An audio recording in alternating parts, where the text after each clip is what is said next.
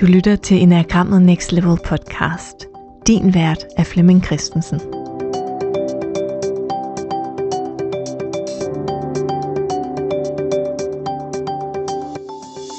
Har du nogensinde slået dig på din typebeskrivelse? Læst din enagramtype og tænkt, af.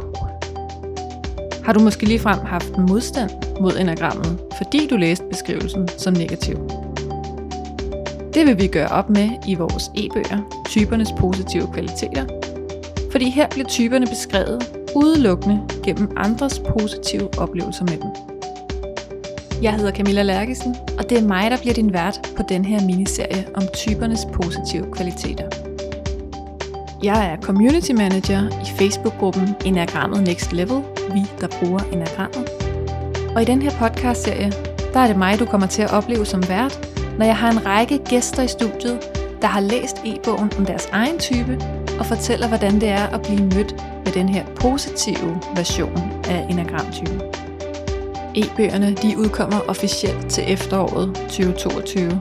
Men hele sommeren, der kommer vi til hver uge at udgive en ny e-bog.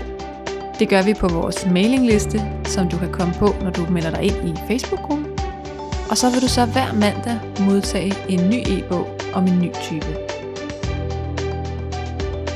I denne her episode skal du møde to niere, så nu er vi næsten hele vejen igennem. Og når du lytter, så prøv lige at lægge mærke til de meget forskellige energier, der er, når vi går nu her for eksempel fra type 8 til type 9, men også når vi går fra type 9 til type 1 i næste uge. Jeg håber i hvert fald, at du har nydt de her episoder lige så meget, som jeg har nydt at lave dem, og jeg glæder mig også til type 1 i næste uge. Rigtig god fornøjelse. Velkommen i studiet, Rikke. Ja, tak. Du er type 9, Ja, jeg relaterer til type 9. og øhm, jeg tænker, du skal have lov til lige at sige et par ord om, Ja. hvem du er Ja. ellers. Det kan jeg godt. Jamen, øh, jeg hedder Rikke, og jeg øh, arbejder som underviser. Øh, jeg ja, for, har været folkeskolelærer i nogle år, og så nu arbejder jeg som underviser på en erhvervsuddannelse. Og så er jeg mor til en datter på 6, Mm. øh, som jeg er alene med. Så hun er hos mig halvdelen af tiden, og hos sin far den anden halvdel. Og så har du læst e-bogen her Det har jeg. om de positive kvaliteter. Ja. Hvordan var det for dig?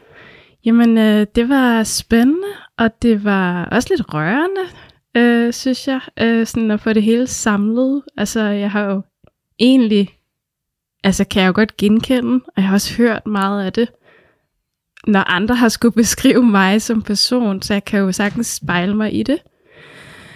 Øhm, men det der med sådan at få det hele serveret på den måde, det synes jeg var rigtig fint og meget meget rørende, og især fordi man også sådan kender mange af de her sådan, sådan lidt stereotype og ofte også lidt karikerede beskrivelser, som, som også har sin berettigelse, fordi jeg synes også, det, det er sjovt, og det er sådan en god samtale starter, hvis andre kender enagrammet også og sådan noget. Men, men jeg synes, det var ret fint, det her, med en positiv vinkel. Ja. Hvor længe har du kendt enagrammet? Hmm. 4-5 år, tror jeg. Ja. Ja. Og kan du huske, hvordan det var første gang, du øh, fandt type 9 og kunne se dig selv i det? Ja, det er faktisk lidt sjovt, for det tog mig også lidt tid at ligesom lande i min type. Jeg kan huske, det var en øh, veninde, der læser til psykoterapeut, der introducerede mig til enagrammet. Og øh, først var jeg bare inde og læse om de forskellige typer, fordi jeg synes, det lød vildt spændende. Og allerførst så tænkte jeg faktisk godt, at jeg kunne måske kunne være en type 1. Mm. Og det er ret sjovt i dag, fordi der kan jeg næsten ikke få øje på, hvad det var, andet end at der er også lidt et tema med noget undertrykt vrede, og der er noget og det begge kropstyper og sådan noget, så jeg kan godt se, at der kan være nogle små sammenfald, men, men øhm, ja, så, så jeg, øh, ja, jeg kan huske, det var sådan ret sådan en aha-oplevelse, da det så gik op for mig. Jeg ligesom begyndte at søge lidt tilbage altså i mit liv, tænke, okay, hvordan har det egentlig været? Også helt fra jeg var barn af, og der, der kan jeg se, at jeg var i hvert fald rigtig, rigtig meget nier. Øh, med alt, hvad det indebærer. Hvordan kan du se det? Eller hvad var det? Ja, men altså både den her, det her store fokus på, at, at alle skulle have det godt, og det her med sådan at smelte sammen med andres øh, behov, og ligesom bare sådan glemme lidt at være en person selv. Altså, øh, det synes jeg er genkendeligt. Jeg har ofte haft sådan nogle meget øh, tætte relationer med veninder, hvor det ligesom næsten blev helt symbiotisk, og øh, havde sådan frygt for, altså, når, når der så var kurer på tråden, og var bange for, at så væltede hele min verden, og det var lige, altså, det der med at miste en veninde, altså i, i barndomsårene, var mm. lige så slemt som kærestesover. Ja. ja. Så ja, jeg har altid også haft det svært med, med konflikter og, og med vrede. Ja. Ja. Og hvis vi skal prøve at kigge på nogle af de der positive kvaliteter, ja. hvad var det så for nogle positive kvaliteter? Ja, mm, jeg tænker, at jeg også altid øh, har været har været meget... Øh, altså, jeg har altid fået at vide, at jeg er meget, øh, har været meget rummelig og, og tålmodig og sådan... Øh, haft en eller anden ro omkring mig og været god til sådan at, at samle folk og have fokus på sådan skabe den gode stemning og ja. Øh, så det kan jeg også godt genkende. Og da du læste e-bogen, Ja. hvad mærkede du så? Ja, øhm, jamen jeg mærkede, altså jeg mærkede jo den her genkendelighed, men også det her med, at øh, ja, altså det at blive glad og, og sådan, ja, faktisk rørt, vil jeg sige, over at, øh, at, øh, at ja, at alle de her fine ord, og sådan, altså meget, meget smukt formuleret noget af det, synes jeg. Øhm, jeg kan godt lide, øh, lide det her øh, altså perspektiv, som jeg måske synes, øh, at man sådan kommer til at overse lidt. Jeg glæder mig faktisk også til at læse de andre øh, typers øh, positive kvaliteter. Ja. Ja. Hvad er det for nogle perspektiver, man overser? Jamen, jeg tænker, at man bare ofte får fokus på det her sådan... Det ved jeg ikke. Altså, jeg hører bare tit det der med nieren. Altså, det er sådan, ah, det er konfliktskyhed, det er undertrykt vrede, det er... Øhm, ja, det, det er sådan... Pas, altså den her passive, stillestående energi, tunge energi og sådan noget, som jeg øh, altså kun delvist øh, ligesom kan genkende mig selv i i dag. Altså, jeg synes, det, er sådan, det bliver meget forsimplet på en eller anden måde. Mm. Øhm, ja. Hvad vil du ønske folk, de forbandt med nieren? Altså Jamen- måske sådan lidt mere umiddelbart, Ja. end man gør nu. Øhm, jamen, øh, helt sikkert øh, noget omkring det her med evnen til at øh, finde ro og balance og skabe øh, det gode, trygge rum for sig selv og for andre. Øh, og fokus på, at vi alle sammen er forbundne øh, og ønsket om at forene Mm. og fokus på fællesskab og. Og hvor kan du se de kvaliteter hos dig selv? Øhm, jamen, det kan jeg, fordi det, det er virkelig et, sådan et, et, et motiv, der driver mig, øh, synes jeg, det her med at, øh, at forene og vil gerne, altså, mm, ja, vil gerne finde øhm, ro og altså finde altså f- harmoni, skabe harmoni i, øh, i øh, med de mennesker, jeg er sammen med, egentlig også i hele verden, hvis det kunne lade sig gøre. ja. Ja. Og så, så har jeg, jeg synes selv, jeg har, øh, hvad hedder det, evnen til at, øh, at give plads til forskelligheder, og ikke øh, være dømmende, selvom jeg jo selvfølgelig også har mine egne holdninger til tingene, men så vil jeg gerne lytte og blive klogere på andre perspektiver. Det, øh, det, er faktisk noget, jeg, jeg dyrker rimelig meget. Øhm, ja. Fordi jeg synes også, det er, det er med til at, at udvikle mig, og med til at udvikle mennesker generelt, hvis man forsøger at, at være lidt mere åben over for det, der også er sådan umiddelbart fremmed for en. Hvordan kan du bruge de her kvaliteter i din undervisning, for eksempel? Jamen, øh, det er jo ikke så, øh, hvad hedder det, det er jo sådan forholdsvis ofte, at, at øh, man skal ind og, og male lidt.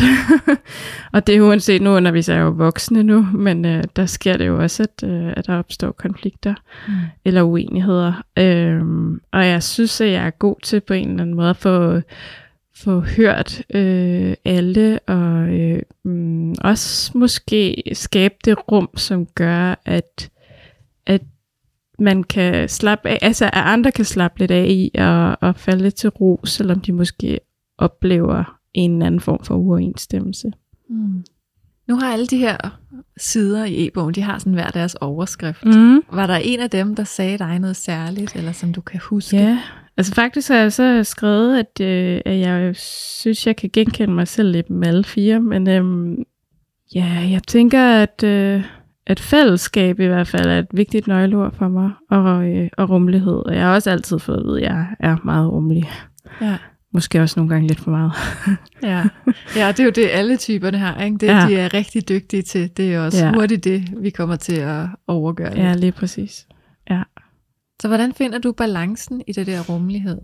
Ja, øhm, jamen altså, det er jo noget, jeg sådan øver mig i stadigvæk, det her med at øh, sætte grænser, for det er jo det, der, der måske altså er, hvad skal man sige, hvis man overgør rummeligheden, så kan det jo blive på bekostning af ens egne grænser og behov.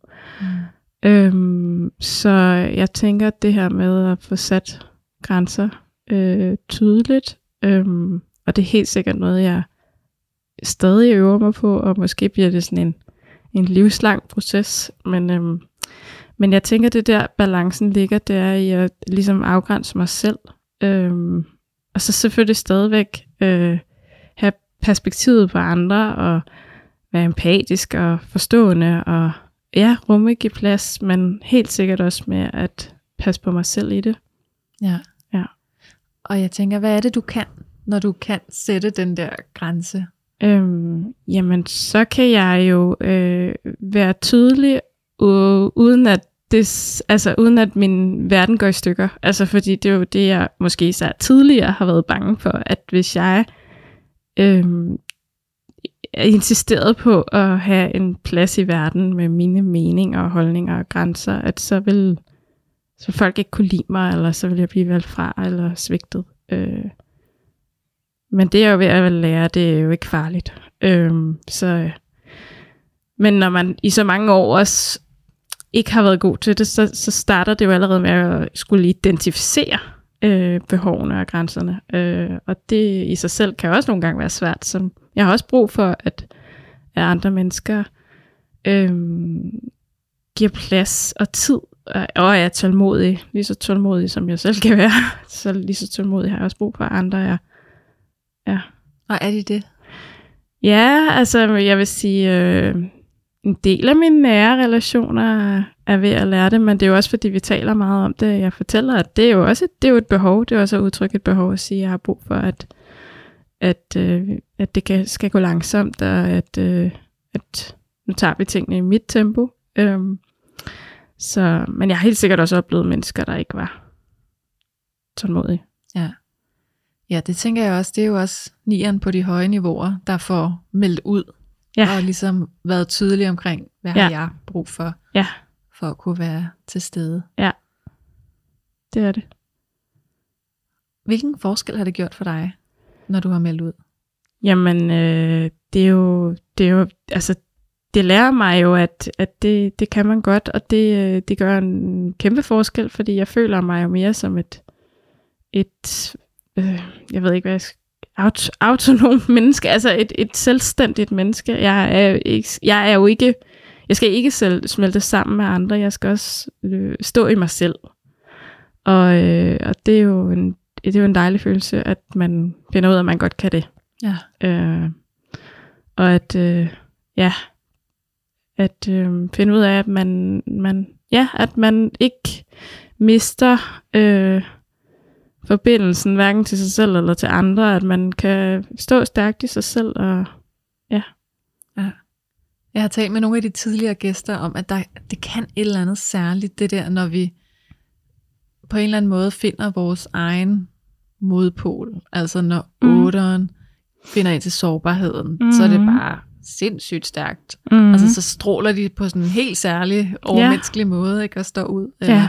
Når femmeren pludselig engagerer sig, eller mm. når syveren finder sådan en indre ro. ja, Jeg tænker lidt, det er det samme, du beskriver Ja. her ja, når nieren får sat nogle tydelige grænser og behov, ja, at så står I bare altså så klart. det, det tænker jeg også. Det tænker jeg også. Og, og det føler jeg virkelig også. Jeg føler jo også, det er en, en lille sejr hver gang. Altså så, øhm, og jeg vokser hver eneste gang. Så det er det. Det er en, en rigtig fed følelse. Var der et af citaterne? Nu har du bogen ved siden Ja. af dig her, så du kan sagtens bladre i den, Ja. og du kan sagtens klippe det ud, hvis du... Ja, det kan være, at jeg lige skal gøre det, fordi jeg har, øh, jeg har været inde og, og kigge lidt. Øhm, altså, der var jo også, der var også noget, der, der var også noget, der overraskede mig lidt, faktisk. Ja. Øh, og, øh, og det er sjovt, fordi jeg kan sådan set godt genkende mig selv helt vildt meget i det, men øh, ordet retfærdighedssans går igen to gange. Og, øh, og det er ikke et, jeg selv har forbundet med nieren, eller jeg begyndte selvfølgelig sådan at reflektere lidt over det, da jeg læste det her. Fordi umiddelbart har jeg tænkt, at det er fordi, jeg faktisk har en, en ottervinge, øh, fordi det her med retfærdighed, det står meget tydeligt for mig som sådan et sådan ottertræk. Men jeg kan jo egentlig godt se, at det der ønske om os at høre alle perspektiver, øh, og høre alle vinkler, og give plads til det hele, også kan handle om, at man søger øh, altså den mest retfærdige, eller altså, ja, retfærdigheden. Øh, så det er bare sjovt, jeg slet ikke selv, selvom jeg selv har en ret stor retfærdighedssans, og hvis der er noget, der kan trigge mig, så er det, når jeg synes, at noget er uretfærdigt. Øhm, ja. Ja, men du har slet ikke tilskrevet den. Nej, Nieren. ikke rigtigt. Eller det er i hvert fald første gang, jeg sådan ser det som en beskrivelse af nieren, og den står endda to gange, så det var noget af det, jeg hæftede mig ved. At, øh, og det fik mig til at tænke, nå ja, det kan jeg måske egentlig godt se, jeg har bare ikke tænkt over det før. Ja. Ja. Og ser du det som en af de positive kvaliteter? Helt sikkert, altså fordi jeg tænker, det, kan, det er jo noget af det, der måske kan skabe noget øh, fremdrift på en eller anden måde. Altså, Ja. Ja. Har du oplevet det? Ja, øh, jeg ved ikke, om jeg kan komme med et konkret eksempel, men, men det synes jeg. Øh, øh, ja, det synes jeg. Altså nu er jeg for eksempel også sådan ret politisk engageret, øh, og øh, det er jo også noget, der udspringer af noget retfærdighedssans, og så helt sikkert også et ønske om at skabe et, altså det her med fællesskabsfokus og sådan noget. Men, men ja, jeg kan godt se, at det, øh, det kan være sådan en, en drivkraft. Ja. Øh, Er det så også noget, hvor du skal bruge din stemme? ja, Det, det arbejde, tænker jeg. Ja, ja, det er det. Øhm, det er sådan lidt i perioder, hvor, hvor, hvor, hvor meget jeg sådan er engageret i det, men, men det er jo noget, hvor jeg i hvert fald ligesom skal øh, stå ved nogle holdninger og, øh, og gøre udtryk, eller give udtryk for, hvem jeg er og hvad jeg mener. Øhm, noget af det, der også har været svært tidligere ellers. Mm. Ja. Og hvad fik dig i gang med det? Jamen det tror jeg, jamen det er jo nok det her ønske om noget retfærdighed og det bedste samfund, og hvor vi vil fællesskabet, og ja, det tænker jeg, at det, det udspringer rigtig meget af det. Ja. Ja. Mm. Var der noget, du slet ikke kunne relatere dig til? Mm, jeg tror ikke, jeg har skrevet noget ned. Nej, det tror jeg faktisk ikke. Nej, det var genkendeligt. ja, Men det er meget sjovt, fordi der er faktisk meget få, der, øh, altså, der er meget få, der er blevet overrasket, der er meget få, der har været uenige. mm, ja, Det synes jeg egentlig er meget Ja. påfaldende. ja, ja, det er det da. Ja. Ja. Hvad kunne du godt tænke dig, at folk de forbandt mere med type 9, som de måske ikke gør så meget lige nu? Jamen, det er jo nok det her med, at man godt kan altså, have noget drivkraft, at man faktisk, øhm, altså at man godt kan, øh, altså at ro og balance, som jo også er sådan nogle nøgleord for type 9, at det ikke kun bliver forbundet med, sådan, med stillstand, altså at der faktisk godt kan være ro og balance, selvom man er handlende, selvom man er aktiv, selvom man, ja, øh, ja, Mm. Hvordan kommer det til udtryk hos dig? Øhm, jamen, jeg tænker, at, at, øh, at, det, at jeg øver mig jo i det, øh, som sagt. Øh, at det her med at øh, stille mig op og have en stemme, men at have det på en måde, hvor at sådan, ønsket og ambitionen og intentionen stadigvæk er øh, det her med, at vi skal forenes, og, øh, og at jeg også ønsker det i mig selv, altså inde i mig selv. Det er lige så meget også en indre udvikling og rejse, det her med, at, at når jeg øh, tager nogle valg, når jeg lytter efter ind i mig selv, og handler på baggrund af en ja, mavefornemmelse, intuition, at så øh, fører det mig faktisk øh, nogle gode steder hen, og hen imod noget af det, jeg længes allermest efter. Ja. Jeg tænker også, at en af kvaliteterne i type 9, altså i forhold til det der med, at ro faktisk kan være en fordel, at der er ikke så meget støj Mm. omkring, når I har et budskab. Mm. Altså, at der er noget virkelig stærkt Ja. i den der ro. Ja. Øh, noget overbevisende i virkeligheden, Ja. i Ja. den ro, det bliver formidlet med. Ja. Har du hørt det før? Øh, ja, måske. Altså, fordi jeg har jo hørt, altså, jeg- jeg har jo også hørt ord, altså ordene ro og rolig som, som positive kvaliteter, så men, øh, men måske mere som sådan noget, at det er, at de alle mennesker jo har brug for ro. Øh, øh, inde og ude, hvad jeg vil sige, altså inde i dem selv og ude i verden. Mm. Øhm, og at selskabet med en, en nier måske kan give dem det. Øh, så, så det er nok mest i den sammenhæng. Ja. Ja. ja, hvad hører du fra din omgangskreds, venner og familie? Hvordan vil de beskrive dig? Jamen, øhm, ja, ja, de vil, jamen, jeg tror, de vil beskrive mig både som, altså jeg hører jo tit, at jeg er både, også stærk og selvstændig faktisk, men, men også, øh, men også de her ord som rummelig og empatisk og god til at lytte, og god til at lytte og give plads, og uden at, uden at dømme, og øhm, god til at belyse flere vinkler, og ja, Mm. øhm, Så var der en, øh, som faktisk et øjeblik lige nåede at blive lidt skuffet over de ord der, fordi de var så indlysende. mm, Hvordan har du det med, med dine beskrivelser? Var du ligesom tilfreds? Ja, altså jeg vil sige, at jeg er overvejende tilfreds, men, men jeg tror også, jeg skrev et par ting, som jeg måske alligevel synes, der godt kunne øh, have været noget mere af. Ja.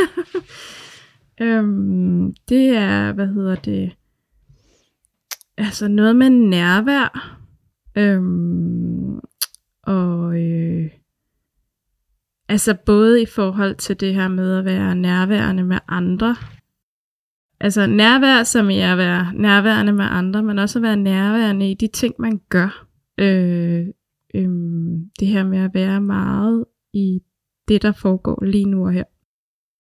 Øh, ikke fordi jeg altid er det, men, men, men jeg er i hvert fald ret god til at fordybe mig, og nogle gange også lidt fortabe mig i, øh, i ting, jeg, jeg synes er spændende. Altså ting, der- ting der giver mig øh, nærvær, og det kan både være en samtale med et andet menneske, eller andre mennesker. Det kan Mm. også være en, en, en, øh, en hobby, eller altså jeg kan sådan helt øh, øh, flyde ind i en bog, eller og forsvinde væk i flere timer, og glemme alt om tid og sted. Øh, og øh, det er selvfølgelig på godt og ondt, fordi det kan også godt nogle gange være en ulempe. Ja. Men, øh, men ja, øh, men jeg ser det også som en kvalitet, at man kan være meget nærværende og meget til stede i nuet. Ja. Ja, det er faktisk rigtigt. Den ser jeg også meget i nieren. Ja. Jeg er også så heldig at have en nier kæreste. Ja. Er du sindssygt, der er også bare nærvær. Ja. Men det, det, det, det var måske noget af det, jeg sådan tænker, at, at det var der ikke så meget af i beskrivelserne. Øh, selvfølgelig roen, men, ikke, øh, men måske mere det der med sådan at være... Det er også et eller andet med at komme ind i et flow, hvor man ligesom bare er i det, der sker lige nu og her. Ja. Øhm, og ikke bliver distraheret. Eller der skal i hvert fald meget til på en eller anden måde at bringe en ud af det, den der tilstedeværelse i, i nu og her. Og det kan selvfølgelig være, at lige med bøger og sådan noget, der opdager vi andre det selvfølgelig Mm. ikke, at det er en Mm. kvalitet, de har. Mm. Det kan selvfølgelig være, at man slet ikke tænker over andet, end at I er nærværende. Mm. Ja, det kan godt være. Det kan godt være. Men det er ret interessant, at der ikke står mere om den. Mm. Jeg tror egentlig bare, det var det sådan i forhold til, øh, hvis Mm. der var noget, jeg sådan tænkte, at der skulle være mere af. Det står der slet ikke. Nej. Det står faktisk ikke et eneste sted. Nej. Nærvær. Wow. Og jeg, altså, jeg hører det om mig selv øh, fra andre, men jeg oplever det også selv, fordi det jo netop er nærvær i både i mit eget selskab. Altså jeg er virkelig også god til at være nærværende med mig selv. Øh, det lyder sådan lidt skørt, men, men, men altså det her med at øh, give mig hen til en eller anden ting, der, der optager mig. Det kan også være så meget, så jeg netop sådan, gud, så gik der lige to timer, uden at jeg troede, der var gået 10 minutter, ikke? Ja. så på den måde kan det selvfølgelig også godt være en, en ulempe, men. Ja, jeg tænker også, det må være nieren på de høje niveauer, Ja. der er nærværende. Ja. Fordi nieren, når de dykker i niveauet, jo netop kommer til at trække sig Ja. og, og ikke Ja. være nærværende. Ja, det er rigtigt. Det er rigtigt, at det, det kræver øh, på en eller anden måde også, at man ja, er til stede selv, at man er der, at man er ude i verden, at man på en eller anden måde sådan eksponerer sig selv Mm. øh, over for et andet menneske eller andre mennesker. Ja. Mm. Er der andet, hvor du tænker, det skal vi simpelthen lige... øh, Det er vigtigt at vide om nieren, eller det skal med? Mm. Altså, jeg havde en, øh, en snak med nogle veninder, som også er meget inde i enagrammet her, for ikke så lang tid siden, omkring sådan noget med, øhm, med søvn. Ja. øhm, som har en ret høj prioritet hos mig. Og det er sådan noget, mine veninder jo griner lidt af, at jeg går ret tidligt i seng. Og, øh, øhm, og ja, vi snakkede om, at det var altså min veninde, der også øh, læser til psykoterapeut. Hun har også en søster, der er nier. Øhm, at det er sådan en nier-træk. Øh, det her med at sørge for at dække nogle meget basale behov måske, eller i hvert fald søvnen øh, er et vigtigt, et vigtigt element, hvor Ja. andre typer måske, eller det var i hvert fald det, vores samtale gik på, at øh, der kunne det godt blive underprioriteret, hvis der skete noget, der var mere spændende. Nu er der også to af dem, der er syv år, for eksempel. Ja. Så ja, Ved du, hvad instinkt du har? Jamen, jeg er ikke overlever, som jeg godt ved, også knytter sig til det her med de basale behov. Jeg, er sexual som primær instinkt. Ja, som knytter sig mere til fortabelsen. Ja, Ja. ja. Så, det, det, så jeg har også tænkt, at der også er en sammenhæng der, så det er nok derfor, det er sådan, er virkelig noget, jeg oplever meget. og Ja. søger, øh, ja. Der er Mm. måske lidt dobbelt op der. Ja. Mm. Ja, så øh, ja. Men, men helt sikkert også blevet bedre til at overleve, end jeg har været. Så det er noget, jeg er begyndt at prioritere mere. Det bliver man også lidt nødt til, når man bliver mor og sådan nogle ting. Mm. Ja. Men har det altid været sådan? Det der med at få sovet? Altså, det har været vigtigt. Mm, mm, nej, det tror jeg egentlig faktisk ikke altid. Men, men jeg har nok altid sådan haft fornemmelsen af, at hvis ikke jeg får x antal timer, så er jeg ikke et velfungerende menneske. Og det tror jeg sådan set altid, jeg har haft. Øhm, og jeg har også altid vokset op med sådan ret faste sengetider og sådan noget, så det er jo også noget med, at måske det er blevet indarbejdet fra, Ja. fra barns ben af. Ja. Øhm, og ellers så, øh, ja, så er det måske noget, der er begyndt at prioritere mere. Men, men i hvert fald så er det sådan, at vi, ja, nogle gange så tænker man jo ikke altid over sådan nogle ting selv, men, men, øh, men dem, der kender mig, de, de, de havde i hvert fald fået øje på det som en ting. Og jeg har også hørt det før, der med, at, at øh, Jamen, det har jeg, jeg også sover nemlig. mere end de fleste, eller hvad det hedder. Jeg har også hørt det Eller om prioriterer det i hvert fald mere, ja. Mm.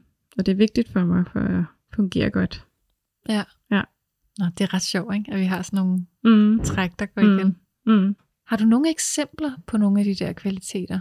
Altså, hvordan kommer det til udtryk i din hverdag? Øhm, skal jeg lige tænke mig lidt om. Altså jeg tænker for eksempel sådan noget som, som tålmodighed er, er noget, jeg også er, er god til, og som jeg også tit får at vide, at jeg er god til. Øhm, altså så, tålmodig med, at folk ikke altid øhm, øhm, overholder deres aftaler, og det kan også bare være sådan, at jeg har ikke altså jeg har ikke et behov for sådan at, at skynde på folk. Øhm, og det er egentlig ikke fordi, jeg ikke, øh, at jeg har et behov, og ikke øh, er tryg ved at, udtrykke det, fordi det kan det jo godt nogle gange være, men jeg tror faktisk ikke, at det er vigtigt for mig, øh, fordi jeg jo, det ved jeg ikke, jeg har, jeg, jeg tænker, det er, det er rart, jeg kan selv godt lide det, det langsomme tempo, jeg kan også godt selv lide, at alting ikke altid behøver at være så punktligt og planlagt, Selvfølgelig skal man kunne fungere under rammerne i en hverdag, men, men at øh, ja, jeg har, jeg har forståelse for, at, at folk nogle gange har brug for at køre i et langsommere tempo.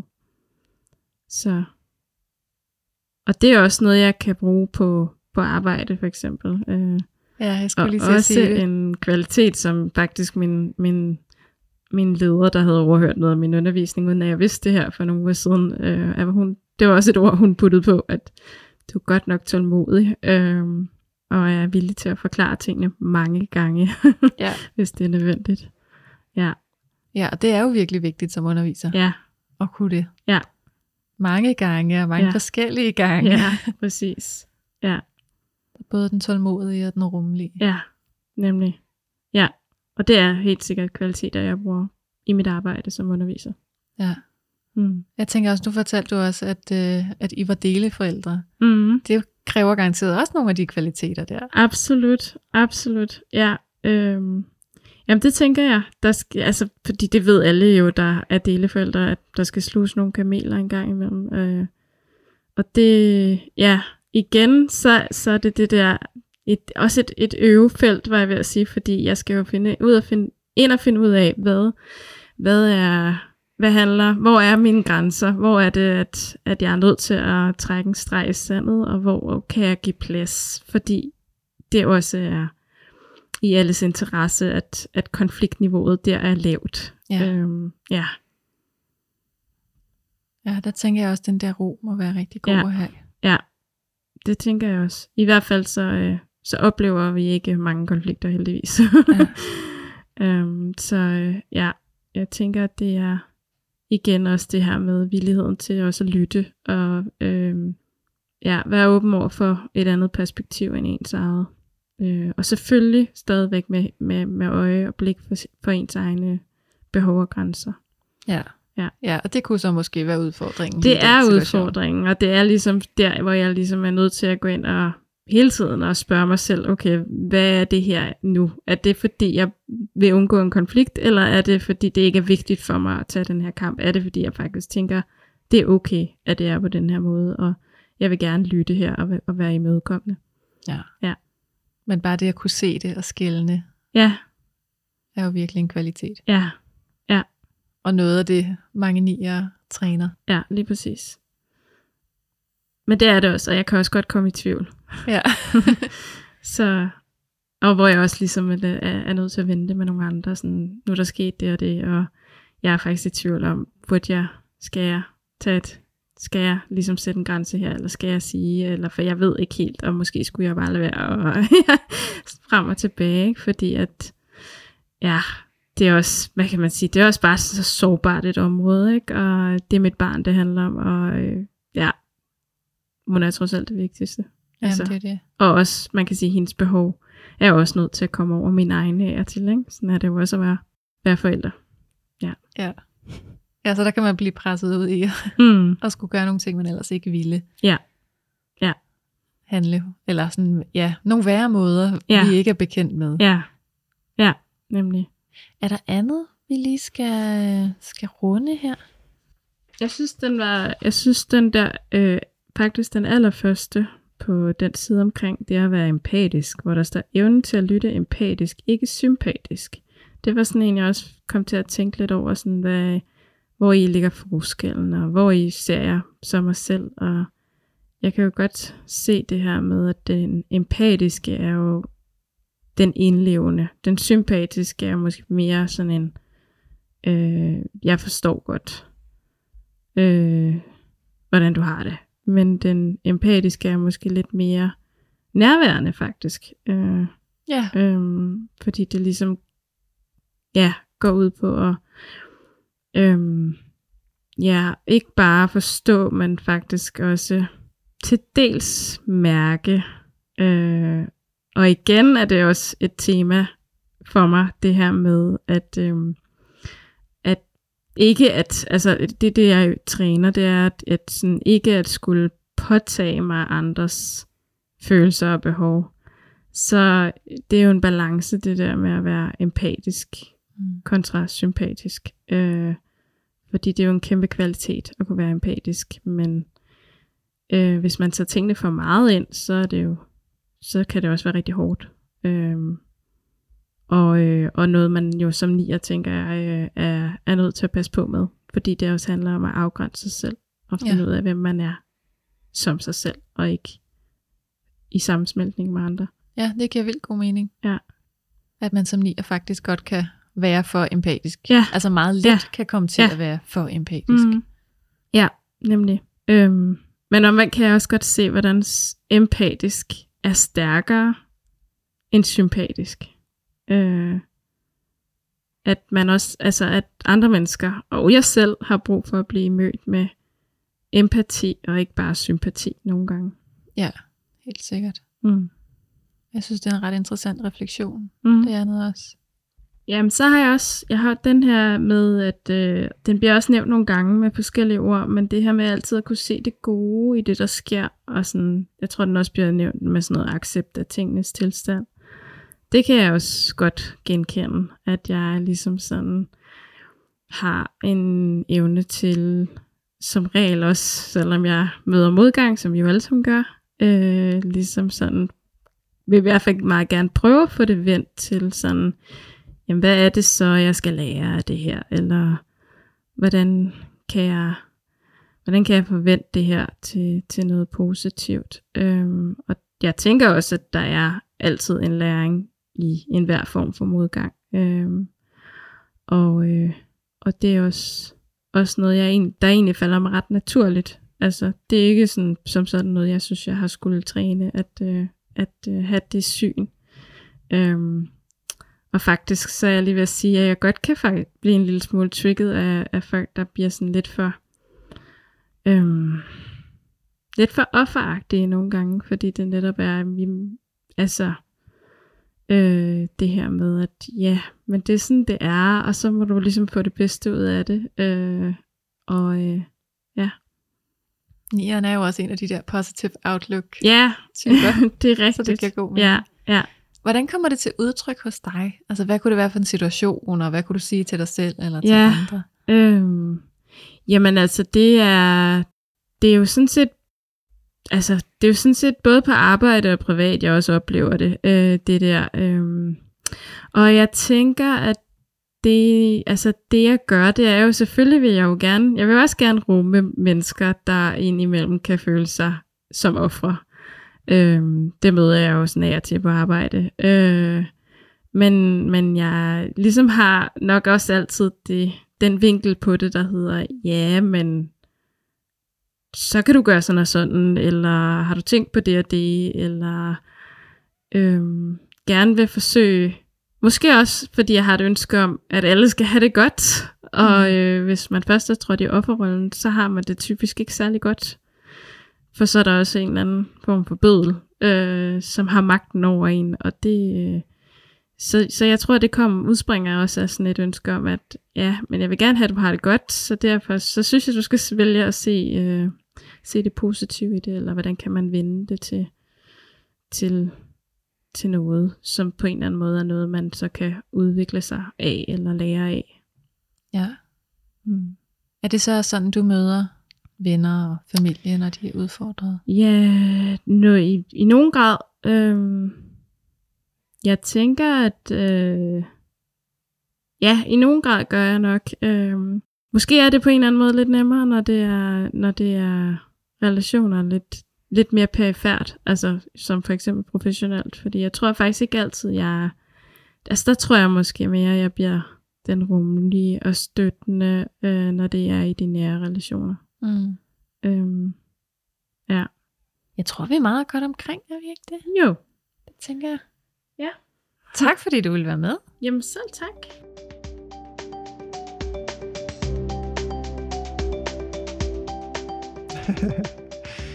Jamen, øh, jeg er jo blevet 47 år, og øh, jeg er en meget, jeg anser mig som en meget kreativ person, som ikke øh, har haft så nemt ved at finde mit ståsted i livet, så jeg er uddannet folkeskolelærer, jeg har noget kokkeerfaring, været i blomsterbranchen, spiller teater eller har spillet teater, men er endt som IT-supporter på Okay. nuværende tidspunkt. Så det er sådan lidt øh, et billede ind i, hvem jeg er som person. Og så har du læst den her bog om øh, enagrammets type 9. Ja. Om de positive kvaliteter. Ja. Og hvornår stiftede du bekendtskab med enagrammet? Jamen, det gjorde jeg jo kvæg mit øh, kæresteforhold med Gitte, da hun dykkede ned i det, og vi begyndte at snakke om det. Og så sådan mere for alvor, da jeg prøvede at deltage i basiskurset. Ja. Og det er, jamen, ja, nu vil Gitte nok sige, at hun har beskæftiget sig med det i fire år, og jeg tror, jeg har kendt til det i tre, to Mm. år. Øh, og så, jamen, så var jeg på kursus, og så har jeg egentlig ikke, øh, jeg har ikke dykket så meget videre ned i det derfra. Nej. Hvor hurtigt gik det op for dig, at det var type 9, du relaterede dig til? Øhm, tror, at det gik rimelig hurtigt op. Efter to testen var jeg ikke så meget i tvivl. Jeg bunkede ud på 2, 7 og 9, tror jeg, husker det som. Øhm, men de mønstre, jeg kender fra mig, de var meget tydelige til 9'eren, synes jeg. Så vi stiller tit, jeg stiller tit spørgsmålstegn ved det, men jeg er nok ikke så meget i tvivl. Mm. Mm. Bare for at lige udfordre det lidt. Ja. Det er også fordi, jeg jo har lært lidt om vingerne og om pilene. Øh, og nogle gange synes, at det er svært at se sig selv passe ind. Men det kommer også an på, hvor godt jeg kan se, om jeg er i balance eller ubalance. Så. Ved du, hvilken vinge du har? Nej, jeg er primært etter, tror jeg. Ja. Øh, jeg kan godt lide det regelrette. Og, og der er ikke meget øh, pondus i mig, tror jeg, jeg plejer at associere med otteren. Men jeg kan sagtens ramme en ottervinge en gang imellem. Ja. Så jeg tror, det er etter, der præger mig mest. Ja, jo, og det er også det, jeg synes er så fint ved enagrammet, at vi kan jo ramme alle typerne i forskellige Ja. kontekster. Jamen lige præcis. Ja. Hvordan var det så at øh, stille skarpt på øh, alle de her positive kvaliteter? Ja, øh, ja, som vi lige kort vendte inden, at det har været lidt spøjst. Øhm, der hvor jeg er i min proces med at lære mig selv at kende, der er- kigger jeg meget på mine defaults, mine, mine uvaner, eller hvad I, ja, jeg ved ikke, hvad I kalder det i enagrammet, men det er det, jeg tænker dem som. Ja. Øhm, så det, det har været lidt sjovt at læse og tænke, hmm, ja, jamen det er nok rigtigt nok. Men så skal jeg da godt nok være i god balance. Altså ikke, og så er det, jeg kommer i tanke om noget med niveauerne, som jeg ikke har så godt fast i. Om, om jeg så ikke skal nærme sig op i et, to, tre stykker eller sådan noget. Og det, det, det har jeg ikke sådan, så meget observation på. Så jeg tænker tit, at jeg er en 5-6 eller sådan noget. Og, og derfor kigger jeg ikke særlig meget på de der positive, men prøver at blive bevidst om, når jeg laver noget, der skaber udfordringer i social sammenhæng. Så det har været lidt en, en, en sjov lille rejse at prøve at dykke ned og se, hvad folk fremhæver. Ja. Og hvad, hvad øh, tager du med dig fra? Hvad er det, folk fremhæver? Jamen, ja, ja, hvis jeg må udnytte min stikord, men jeg skrev lidt ned, hvad jeg hæftede mig ved. Øhm, fordi nogle af de ting, jeg kunne mærke, som skabte genklang, det var det, som jeg ofte synes, jeg har svært ved at få folk til at se i mig. Nemlig, øh, ja, det, det mest interessante var faktisk fra den empatiske område, synes jeg, med at der var kærlighed, troskab, øh, og så helhedsorienterende. Øh, jeg kan, og det er også noget af det, der synes kendetegner nieren, jeg kan rigtig godt lide at tænke helheden og få alle med og samle dem, og, og jeg har bare en, en basal tro på det gode i mennesket. Øh, så til den kærlighed til, til mennesket og menneskets natur og lyst til at ville hinanden, det er sådan noget af det, som jeg virkelig hæfter mig ved. Jamen, der er jeg enig. Og jeg tænker, det er da ret at høre, at der er nogen, der ser det, fordi det, det tror jeg er svært at opdage. Ja. Øh, også fordi, som man jo ofte taler om, at man undgår konflikter i talsætter sig ikke som nier. Så hvordan finder man så ud af, at den del også er i nieren? Så i hvilke situationer er det dig? Ja, det var da et godt spørgsmål. Øhm, den er svær at svare på, fordi jeg fokuserer så meget på, hvad jeg ikke gør. Og det tror jeg, at de fleste Ja. faktisk gør. Det, Jamen, der, det er ikke? det er tit meget nemmere at tale om alt det, der er svært eller udfordrende eller Ja. irriterende ved en type. Øhm, jamen, når jeg er i grupper, øh, så, så har jeg automatisk en vane for at kigge på, på, på at alle får lov til at være med. Øh, vil gerne høre alle. Så på den måde er jeg samlende, øh, og vil gerne øh, sikre mig, at alle bliver hørt. Øh, og hvis jeg vil sikre mig, at alle bliver hørt, så tror jeg, at jeg har behov for at kunne sætte mig ind i behovet for at blive hørt. Øh, af dem, der ikke bare lige åbner op. Øh, så der tænker jeg, at det der, ja, det går lidt på tværs. Men det der med, ja, den kommer så fra fællesskabet, men rummeligheden og at rumme hinanden. Men den der helhedsorienterede, det er også, at når alle bliver hørt, føler jeg også, at alle sider er set. Og det er også noget af det, der bliver nævnt i bogen. Ja. Med at øh,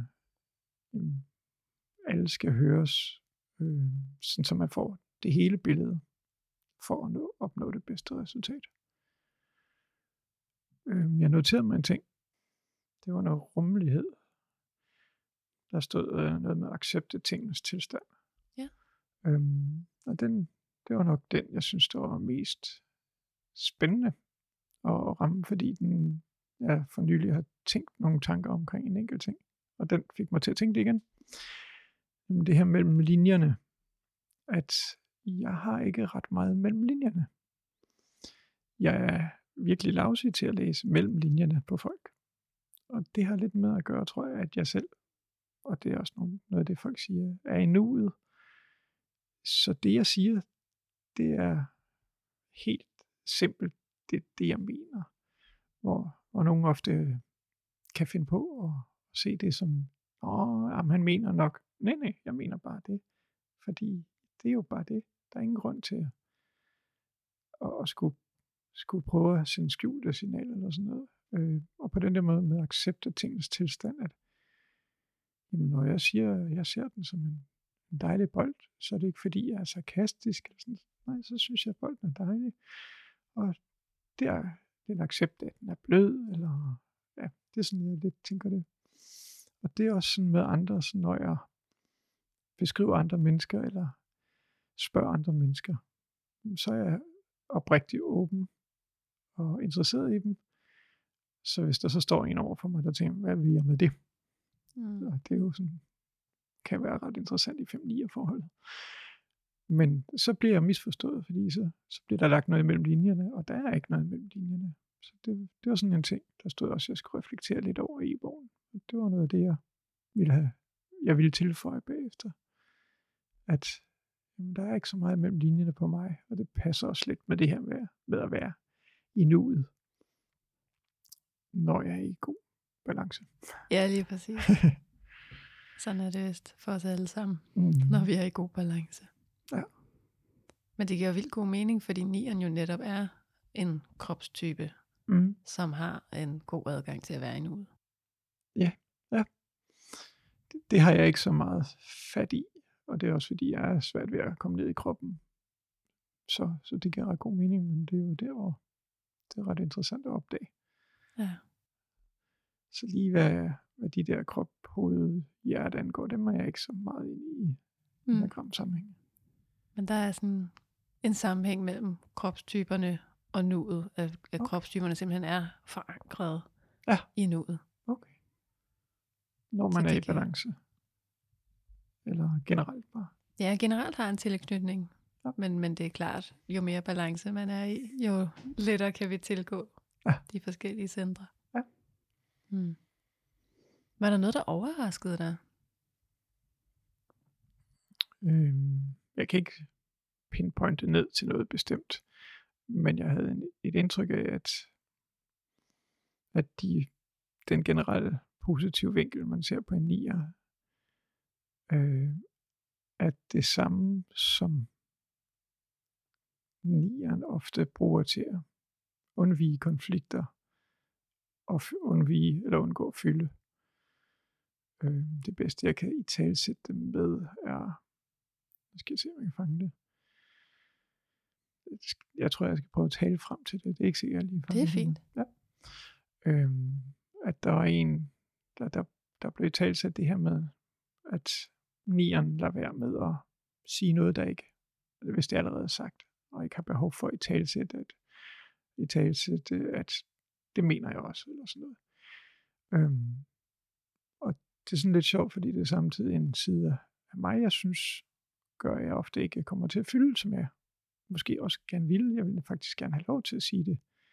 Så det er en positiv ting på den ene side, at, at man ikke fylder unødigt, fordi det er ikke nødvendigt, men faktisk kunne det være rart at tillade sig at fylde, så den har sådan en to side, det ikke. Så, så jeg synes, det var en interessant ting at opdage det som en positiv udtalelse. Også fordi jeg tænkte, at det set som en kvalitet ved nieren, eller er det set som en, en persons opfattelse af ham? Det var rart, vedkommende ikke vader i det her. Det er en kvalitet. Så den har jeg aldrig set på før i hvert fald. Nej, det er faktisk en god pointe. Det er jo, og det er jo virkelig noget, der skal balanceres. Det her med, både at det jo kan være en kvalitet, fordi selvfølgelig kan det det, mm. at man ikke taler bare for at tale, men ja. taler, fordi man skaber værdi. Men jo netop, som du siger, det er jo også nierens pitfall. Mm. Og bare trække sig og undlade. Ja, Jamen, det er ikke nødvendigt. Der er sådan, ja, præcis. Ja. Så, så den, er, den er jo, den overrasker mig, og den har givet mig stof til eftertanke. Kan ja. sige. Jeg tænker faktisk lidt det samme om det, du siger med øh, det der med evnen til sådan at, og hvad var ordet? Tingenes tilstand. Altså ligesom, ja, hvad var det, du sagde der? Var det accepteret?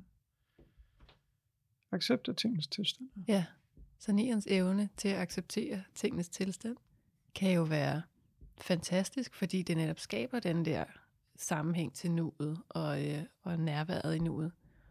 Men det kan jo også være nierens pitfall mm. og bare sige, ja, så er det jo bare som det er. Ja, det er, der, det, det er der jo ikke noget at gøre ved. Ja, jamen det kommer virkelig an på, om det er en positiv eller, eller hvad man skal sige, en negativ situation, man er i. Om man undgår konflikt, eller om man... Nå, det, går, det er jo godt.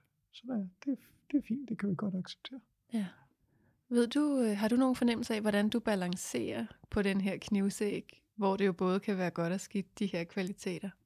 Når du som nier har adgang til den kvalitet, så mm. kan det jo være både godt og skidt.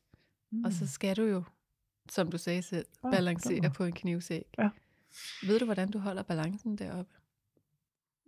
det, det går nok i, i tråd med mit udgangspunkt om, at jeg tror, jeg ligger lidt lavt generelt. At jeg undviger ofte en konflikt, end til god ser mit behov for at fylde og tillade mig at sige noget. Den her med, at man som nier i tal, eller man snakker om med nieren, at, at nogle gange får nieren ikke sagt det, som gør andre faktisk, nå fedt, han føler det også. At der undviger jeg nok hellere, øh, end at tillade mig det. Så, så jeg balancerer den ikke sindssygt godt, tror jeg ikke. Mm. Jeg har mange tanker om, om det. Altså, jeg, jeg er i hovedet, når jeg er der. Så bevidstheden er der, men øh, handlingen af det er der ikke. Ja. Er der så nogle af de her positive kvaliteter, hvor du tænker, det er mig, det er det, jeg gør, det er faktisk det, jeg primært gør? rummelighed. Ja. Øhm, og tålmodighed, tror jeg også, kom på et tidspunkt. Ja. Øhm, det er i den grad mig. Øh, det er også noget, jeg synes meget positivt opleves ved folks interaktion med mig. Altså, de fleste, som der også i talsættes som positivt, de fleste føler, det er rart at være sammen med en nier. Øh, som er mindre jeg rammer en, der er i stor ubalance, så, så oplever jeg netop, at fordi jeg kan gå hen til en og sige, Nå, hvordan går det med dig? Og, og så er der en snak i gang. Vedkommende føler, at det er okay at være i snak med mig. Og det er virkelig noget af det, jeg har stor gavn af. Ja. Øhm, så, så rummelighed og, og positiv. Og nu kan jeg ikke huske, hvad det var, det andet jeg egentlig sagde. Men, tålmodighed. Tålmodighed, ja. ja. Øhm, jeg er en snakker. Det ved jeg ikke, om jeg altid gælder nier. Så hvis jeg, hvis jeg er i balance, så kan jeg få en rigtig god snak med en person, hvor, hvor vi begge to kommer frem med noget, som jeg føler, at, at vi så når til noget større ud af den samtale, end vi hver især repræsenteret. Øh, og det tror jeg kan fungere, fordi at jeg også har tålmodighed til at, at høre, eller spørge ind, eller være nysgerrig på, på de andre, jeg mødes med. Ja. Så Altså- på den måde, ja. Så rummelighed og tålmodighed, det tror jeg er noget af det, der i- især kendetegner mig af de ting. Og så får du netop, som du sagde tidligere, folk med. Får deres indsigt i tingene. Ja. Via din tålmodighed. Ja, også, øh, der var en, der var faktisk en, der sagde på et eller andet sted i bogen, stedighed. Ja. Det var bare lige nu, hvor vi lige snakkede af det, jeg tænkte, nå ja, den hænger faktisk sammen med tålmodigheden. På sådan en, en god stedighed med, nej, men kan godt være vedkommende ikke, oh, skal jeg nu også fortælle det her? Nå, jamen, lad os lige øh, give det lidt tid, og spørge lidt ekstra ind, eller være forstående over for Mm. den her, der fortæller, sådan, så vedkommende føler sig tryg og har mod på at fortælle. Så, så jeg kan have en positiv stedighed. Ja. Øhm, stedet forbinder jeg ellers ikke rigtig med en nier, øhm, umiddelbart. Men, men positivt kan den faktisk godt bruges til at være måske ekstra empatisk også. Fordi der er en, ja ja, du vil gerne slippe udenom, fordi det er ubehageligt at være dig i dialog, fordi du føler dig sårbar. Hvordan kan jeg så med min stedighed, tålmodighed, rummelighed, give dig den tryghed? Så den tror jeg, men det er ikke noget, jeg har tænkt over før, vi snakker nu. Så, Nej, men jeg sidder også her og tænker, der er sådan lidt øh, noget, sådan, jeg sidder og tænker sådan, at insistere på en kærlig måde. ja, der tror jeg faktisk meget fint måde at beskrive det. Jeg kunne selv høre, at jeg tænkte, hmm, da du så så insisterer, før du nåede at sige på en kærlig måde, så tænkte jeg, ja, det er faktisk lidt anmasende. Det er lidt sjovt, at det er sådan en ottervinge, der kommer på tværs.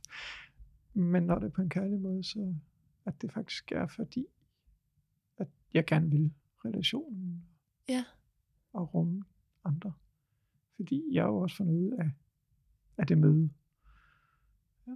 Ja. Insisterer på en kærlig måde. Det var ret interessant. Og det synes jeg faktisk, øh, nu er jeg jo selv kæreste med en nier. Og det, når jeg lige sidder her og tænker over det, så Mhm. kan jeg faktisk godt se det i ham også. Ja. Hvis der er noget, jeg har svært ved at tale om, eller jeg ikke har lyst til at tale om, eller der er et eller andet. At, at han er god Ja. til netop at insistere på en kærlig måde, og vende tilbage, og, og tillade mig at gå lidt væk fra det, og tale om noget andet, men også sige, jeg har ikke glemt det. ja. ja, men det er rigtigt. Det er ret sjovt at tænke på. Jeg siger, hvad der kommer ud af en snak. Ja. Det er meget interessant. Ja. Det synes jeg faktisk det er er en rigtigt. fin egenskab hos nieren. Jamen, den, det er jo lidt interessant at, have, at, at nogen har i talsat noget, der får en, får os til at tænke på det. Får mig til at tænke på det. I hvert fald, ja. Ja. Og det er meget, meget interessant at høre din oplevelse af det, fordi du sætter ord på noget, hvor jeg tænker, ja, jamen jeg sidder også og nikker, da du fortæller det, fordi, nå jo, jamen det, det er jo beskrevet, men jeg kunne ikke have sagt det selv, fordi Ja. det gør jeg jo bare. Men det er noget, du gør også. Det gør jeg bare, ja. Ja. Jamen det, ja. Det var ret sjovt. Sådan en aha. Ja, ja, der var lige sådan en aha moment. det kan man jo så også godt bruge meget, øh, meget mere bevidst positivt. Ja, virkelig. Jeg ved faktisk ikke, nu ved jeg, at man snakker nære relationer og, og, og ikke nære relationer, og der kan være forskel på, hvordan man agerer og sådan noget. Jeg ved ikke, om det spiller ind. Øhm, meget af den refleksion, jeg har på min person, det er i den nære relation. Mm. Øhm, så da du i tale satte det, tænkte jeg også, jamen det passer i hvert fald godt ind i mit forhold også. Ja. Øhm, ja, jeg Men- ved heller ikke, om en nier vil insistere helt så meget i en ikke-nær relation. Nej, det var også det, jeg lige sad og funderede over. Øhm, og jeg prøver lige at spille den over i noget teaterverden, jeg, jeg har beskæftiget mig med. Øh. Men der tror jeg ikke, øh, jeg tror ikke, den når at komme frem, fordi jeg tror, den, ja, der, det første, der kommer til mig, der er jeg i nuet. Der er, som jeg siger, ikke noget imellem linjerne. Jeg tager personen for det, jeg møder. 100 procent. Som et uskrevet blad og sige, Nå, du er dig, jeg er mig. Hej. Øhm, så hvis jeg skal begynde at tænke, nå okay, vedkommende, der, der er noget vedkommende ikke rigtigt til at sige, så skal jeg altså have en, en længere kontakt med vedkommende øh, opbygget. Jeg tror, vi skal over i noget venskab før, før et, et, et ret solidt venskab, før jeg begynder at kunne gøre det, fordi jeg skal kende personer godt. Ja. Mm. Mm, spændende. Det er altid enormt sjovt, synes jeg, altså, når det bliver genkendt. Ja. At man kan spejle nogle handlinger og Ja. motiver over til nogle andre, som så kan sige, ja, præcis. Jamen lige præcis. Også fordi, at du kan beskrive din, din Ja. Nias. Øhm, det er ikke sikkert. Jeg ved ikke, om han ville kunne beskrive det. Nej, det tror jeg ikke. Nej. Jeg tror ikke, han ved, at han gør det. Nej. Og jeg, jeg vil jo heller ikke kunne beskrive det på den måde, som du satte ord på. Så det, det er ret sjovt at høre andre beskrive en, der minder om. Ja. Hvordan er du i forhold til, øhm, der er en, der skriver her, jeg bliver inspireret af deres evne til altid at se det gode i det, der sker. Mm. Jo, den kender jeg også godt. Um, jeg kobler den ofte sammen med den her med at se alles sider af sagen. Jeg har sådan en, min version på livet er, det, det skal da leves. Øh, og den trækker ind igennem, at når jeg, nu har jeg mødt dig, og det kan godt være, at du måske, nu tænker jeg ikke lige på dig, men en eller anden fiktiv person, jeg møder, og, og vedkommende måske i dårlig balance, og sådan, nå, men, det, det kommer der også noget godt ud af. Vi fik lige sagt nogle ting, og måske tænkte, nå, det er nok i dag, jeg lige skal rumme der, eller møder en, der, der er super godt humør, jeg er bare i dårlig humør, jeg bliver lidt gladere af det, og tænker, hey, dejligt. Altså, så, så der, er, der er så meget godt at møde. Øhm, så på den måde ringer det i hvert fald noget i mig. Der var også noget, jeg ikke synes, jeg fik sagt på den måde, jeg i tale sagde det, men så må jeg tænke, jamen, altid det gode i tingene. Jeg ser jo også, altså mit udgangspunkt er at se det gode i folk. Mm. Når jeg møder en person, så er det en positiv. Øh, pas, altså så ser jeg mødet som, hey, det er, der kan komme en masse ud af det her, dejligt. Hvis vedkommende så giver mig en losing, det, det vil ikke være så synligt. Så vil jeg godt nok heller aldrig opsøge den person mere. Fordi så er jeg jo blevet fundret øh, ramt. Så det er sådan en meget kort forklaring af, men den side kender jeg mig, at jeg har bund, hvad hedder det, i bund og grund har jeg bare tillid til alle, fordi alt er godt som natur. Hvis ja. jeg så mærker, at, at det ikke bliver gengældt, jamen så, så kan det hele testes på hovedet. Så, så, så, så det, er, det er også sådan en to-sidet ting i bund og grund. Ja, faktisk. Øh, så det skal gengældes, for at, altså hvis man gengælder min positive ting, så tror jeg, at der kan komme enormt meget spændende positivt ud af tingene. Ja, så er det spændende her, synes jeg. Hvor går grænsen? Fordi nu sagde du selv eksemplet med en losing. Mm. Det er jo sådan i en ekstrem. Ja, det er en ekstrem, ja. Og, og mange nier vil jo gå rigtig langt for husfreden og den gode stemnings skyld. Ja. Så hvor går grænsen egentlig? Øhm, havde du spurgt mig om 10 år siden, så havde jeg tænkt, sagt, den går meget langt. Rigtig langt. Øhm, det gør den ikke i dag. Jeg er blevet sådan mere realistisk. Øhm, men det tænker jeg egentlig er en positiv udvikling, fordi at, at jeg tror, der er nogle tidspunkter, der er mere værd at investere i end andre. Så hvis jeg møder en, der ikke kan rumme i bund og grund, rumme så meget positivitet, fordi det, det er ret grænseoverskridende at bare blive mødt med åbne arme og et kram i teorien. Ja, hvis man kram. selv er helt anderledes. Ja. Øhm, så jeg kan være overvældende, ved jeg, for andre. Øh, der har jeg ligesom fundet ud af, at når, skal, hvis jeg kan se den anden lidt an, så kan vi måske bedre begge to være i, at jeg tænker, at det her, det, det kan blive godt. Hvis jeg bare siger, hej, yes, dig, vi skal da bare være, okay, det var lige lidt for meget, og så, så falder det sig. Og så i stedet for, at jeg så ender med at sige, okay, jeg blev slet ikke mødt der, så bliver der aldrig noget her, fordi så trækker jeg mig, så er der konflikt, så er der så alle de der negative ting. Så ved at finde den der balance med at sige, okay, jeg kan det her, men jeg skal dimensionere det i forhold til, hvem det er, jeg møder. Øhm, så kan jeg faktisk få rigtig, rigtig meget ud af at se det gode i alt. Nu er det jo meget i relation med personer, men det, det tænker jeg også, det ofte tænkes, men altså, det kan være en kø i en lufthavn. Altså, det kan der jo også være en masse godt i. Nå, så kan man lige tage det med stille og ro, og lige få sig selv med hen til bagagebåndet, eller øhm, stå og observere, at der er et barn, der leger. Dejligt. I stedet for at tænke, åh, det var da irriterende med den kø. Ja. Så det er jo en anden måde med det positive, men... Ja. men Så det er faktisk både personer og situationer. Jamen det er det. Jeg tror tit, jeg vil tænke i personer, men det er lige så meget i situationer, og jeg kan da også på andre øh, møder, man kan have på en eller anden måde. Ja. Var der Så- noget i bogen, du slet ikke kunne relatere dig til? Hmm.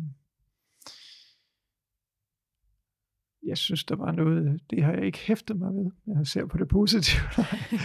og det er sådan lidt sjovt, når jeg nu starter ud med at sige, at jeg synes, det var svært at se på det positive. På, på den måde. Og når vi lige har snakket om det gode, så det er lidt sjovt.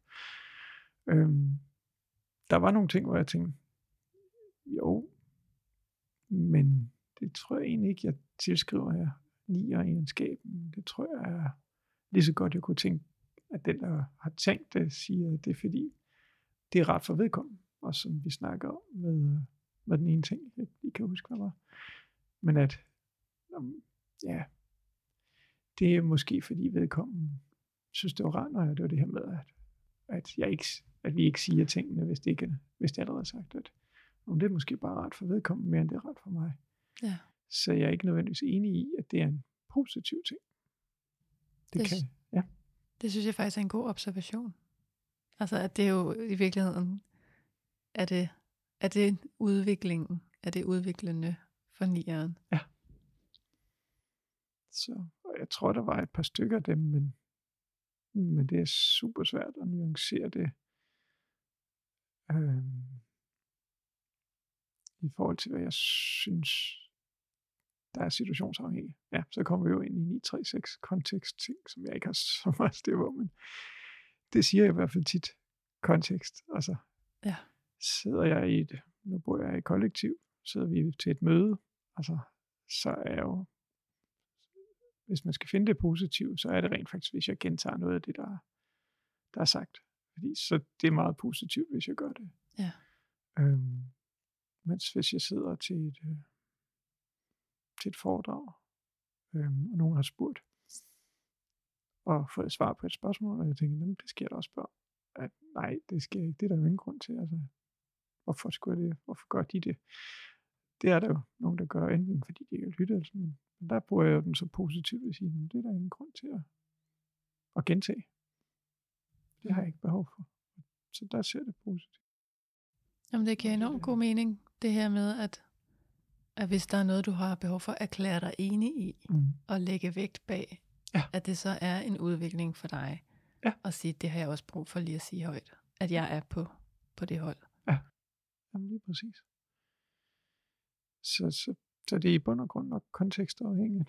Det, Ja. ja. det, er lidt nemt at bruge. Jeg ved ikke helt. Nogle gange kan den safe. godt blive det. Ja. øhm, så, men det er vel verdenssynet for netop for en nier, at hvordan kan man udtale sig uden en kontekst, fordi jamen, det, det kan jeg også relatere til, at jamen, hvis jeg bliver hvis jeg bliver hængt op på, at jeg har sagt, jamen, jeg vil gerne understrege det her, fordi det er jeg enig i, og det synes jeg er vigtigt at understrege. Men så gør jeg det jo ikke i alle situationer. Så derfor er det sådan, øh, ja, ja, vi skal lige have situationen. Så det kan være meget positivt. Så i bund og grund tror jeg, vi kan tage meget af det, der er i e-bogen, af det positive, som også at være, være konfliktskyheden hos nieren, der kan gøre, vedkommende undviger det. Så hvis man, det, det er den her duels side, som du også siger med knivsækken. Hvornår skal jeg bruge det? Hvornår skal jeg lade være med at bruge det? Hvornår lader jeg være med at bruge det, fordi jeg, det er min default? Hvornår bruger jeg det, fordi jeg faktisk er i balance. Ja, lige præcis. Og det synes jeg faktisk er ret vigtigt, at man også som nier, når man læser den her bog og hører den her podcast, kan sige, okay, og det kan sagtens være, at det er værdsat, men det betyder ikke nødvendigvis, at det er det rigtige at gøre for Mm. mm. mig. Ja, det var en meget interessant vinkel. Den har jeg ikke haft på. Øhm, så det, er- det var et interessant vinkel. Øhm, altså, den ringer hos mig. Det er derfor, jeg synes, den er interessant. Ja. øhm, det er også at se det gode i tankerne. Øhm, men jeg tror, jeg ville have svært ved at tillade mig det. Fordi jamen, når jeg nu læser det, så er det dejligt at høre, at folk faktisk synes, det her er positivt. Så jeg kunne godt komme til at sige, nej, det er faktisk, folk værdsætter faktisk, at jeg ikke gentager tingene. Nå, men det, det var måske ikke lige i dag, jeg skulle tage hensyn til dem, fordi det var faktisk et andet behov, jeg havde. Ja. Så det, det kan blive meget komplekst. Men, men jeg ser det nemlig som, som det her. Det er jo det er fedt at høre, hvad folk værdsætter. Lad os give noget mere af det. Ja. Men det skal så også balanceres. Så ja. Er der noget, du tænker, vi mangler at komme omkring? ja, måske. Men det er fordi øh, konflikt er, er et dejligt ord i Nierland jo. Ja. Øhm, og, og ja, det er faktisk noget af det sidste, der stod, det var under ro. At jeg hæftede mig ved den her med ikke at tage en konflikt bare fordi. Øhm, det synes jeg er en enorm fed observation, der er gjort. At jamen, hvis, hvis man kunne opdage, når en nier lader være med at tage en konflikt bare fordi, så tror jeg, man kunne... Ja, det er noget af det, jeg godt kunne tænke mig at give til andre, hvis jeg kunne. At sige, jeg kan godt høre, der kommer en konflikt her. Man har vel brug for den. Nej. Fint, så trækker jeg mig. Hvor ville det være dejligt også en gang at opleve det den anden vej. At, okay, du er uenig med mig, men er det vigtigt for dig, at din sandhed kommer frem? Mm. Kunne jeg få lov til at bare sige, jeg synes det her. Okay, det er da fint. Men ved du også, at, at det der med, at behøver vi nu også at tage de der konflikter, det ligger jo også til nier at undgå konflikterne, så det er da meget nærliggende, men faktisk en ret fin observation, synes jeg, som en positiv ting. Når vi bruger den til at sige, at det, det er slet ikke nødvendigt. Hvad skal vi bruge den konflikt til? Ja. Så Der er mange af de her kvaliteter, der jo kommer til udtryk i det meget stille, mm. Og måske egentlig ikke får helt det, øh, den credit, det Mm. fortjener. Jamen det, du er også god til at fange nogle af de der ting. Det, det, ja, det er ret fedt. Jamen fordi du får sat ord på nogle af de ting. Øhm, noget af det, jeg startede med, var at nævne kærlighed. Jeg ved, at jeg har sådan virkelig, altså jeg går ind med åbenhjertighed, og det jeg kalder kærlighed til, til relationer. Og det er der, jeg kan blive brændt mest, hvis den ikke bliver modtaget, eller rummet, eller hvad hedder det, bliver forrådt. Ja. Og nu kan jeg ikke huske, hvad du sagde, men, men, men de der jo, stille kvaliteter, at jamen, se- bliver den set. Øhm, så hvis man kan hvis man kan observere en lige og se, hvad nieren gør en gang imellem, hvor man tænker, og det ville jeg ikke have gjort. Mm. Det kan jeg måske lære. Så, så kan man se en meget positiv ting der, tror jeg. Ja. Ja, fordi man ser jo ikke alle de konflikter, du træder tilbage fra. Eller hvor, hvor hudløst du går ind i en relation. det ved man jo ikke nødvendigvis. Fuldstændig rigtigt. Det er jo så, det ville jo være godt, hvis en nier kunne finde ud af at i talsætte dengang. Men nu kunne der være en konflikt her, men jeg synes ikke, jeg synes ikke, der er nogen grund til, at vi skal tage den. Skal vi være enige om det? Det kunne man måske Ja, finde en formulering, en nier kunne gøre gavn af. Fordi det er jo så også en, en af nierens ulemper, hvis, hvis vi ikke fortæller, hvordan skal man så finde ud af det. Ja. Så, så ja. hvordan, hvordan kunne man gøre det, tror du? Jamen, jeg, altså, fordi jeg nu er tilhænger af ord, øh, så tror jeg, så tror jeg, det er den vej, jeg kan se det, at, at nieren øver sig i. For nierens vedkommende øver sig i at i talsæt. Hvis man nu står i en, en uenighed og siger, "Jamen, jeg hører, hvad du siger. Jeg er ikke nødvendigvis enig, men jeg har stor respekt for din holdning. Skal vi ikke lade den ligge der? Øh, det vil jeg lige sådan på stedet ville kunne finde på at sige. Mm. Det tror jeg er svært at sige i situationen, men det vil jeg gerne kunne sige. Ja. Øh, og så tror jeg, at jeg på den måde kunne være med til at vedkommende blive opmærksom på, okay, jeg blev respekteret i det her. Det var da fedt. Og så, så tror jeg også, man bliver mere åben over for nierens valg der og, og se den kvalitet. Ja. I den anden vinkel, at den anden faktisk tænker over, "Nå, okay, jeg blev, hvis, hvis nieren siger, okay, og ikke gør andet, øh, og den anden så siger, mm, oh, det var vi vel egentlig ikke enige om, hvad var det lige, hvad var det lige, han hun gjorde i den situation. Måske jeg en anden gang kan tage samtalen op og sige, okay, jeg kan høre, at vi ikke er helt enige. Jeg vil gerne lige give dig lov til at sige, hvad du mener. Ja. Og på den måde bliver det lederskab, der jo faktisk ligger i den beslutning, lidt mere tydeligt. Mm. Ja. Men jeg tror, det, det kræver et overskud hos begge personer i en samtale, for eksempel. Ja, det kræver nærvær. Det kræver meget nærvær, ja. Øh, der var en, øh, en god ven, der fortalte, øh, hun var til, en, til et borgermøde.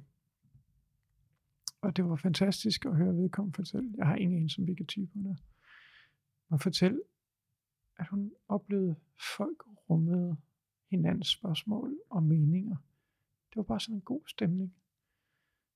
Og det synes jeg må være det optimale for en nier at mærke, at, at folk i sådan en forsamling faktisk giver plads til hinanden.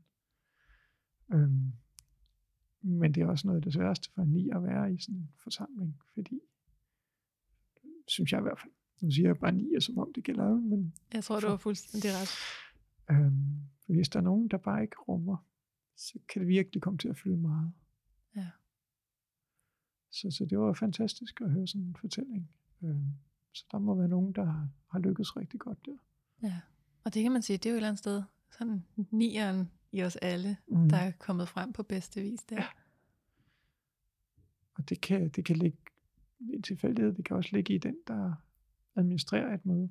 Altså, det bedste møde, jeg kan forestille mig at sidde i, det er, det er hvor der sidder en og rummer alle. Altså, det behøver ikke at være nier. Man bruger nier kvaliteten måske Ja. til at rumme, og så for alle bliver hørt. Øh, og evner at sige, hey, vi skal rumme, vi skal respektere. Du har din mening, de har din mening. Lad os høre alle. Øhm, det vil være min topmål af mit møde. Ja.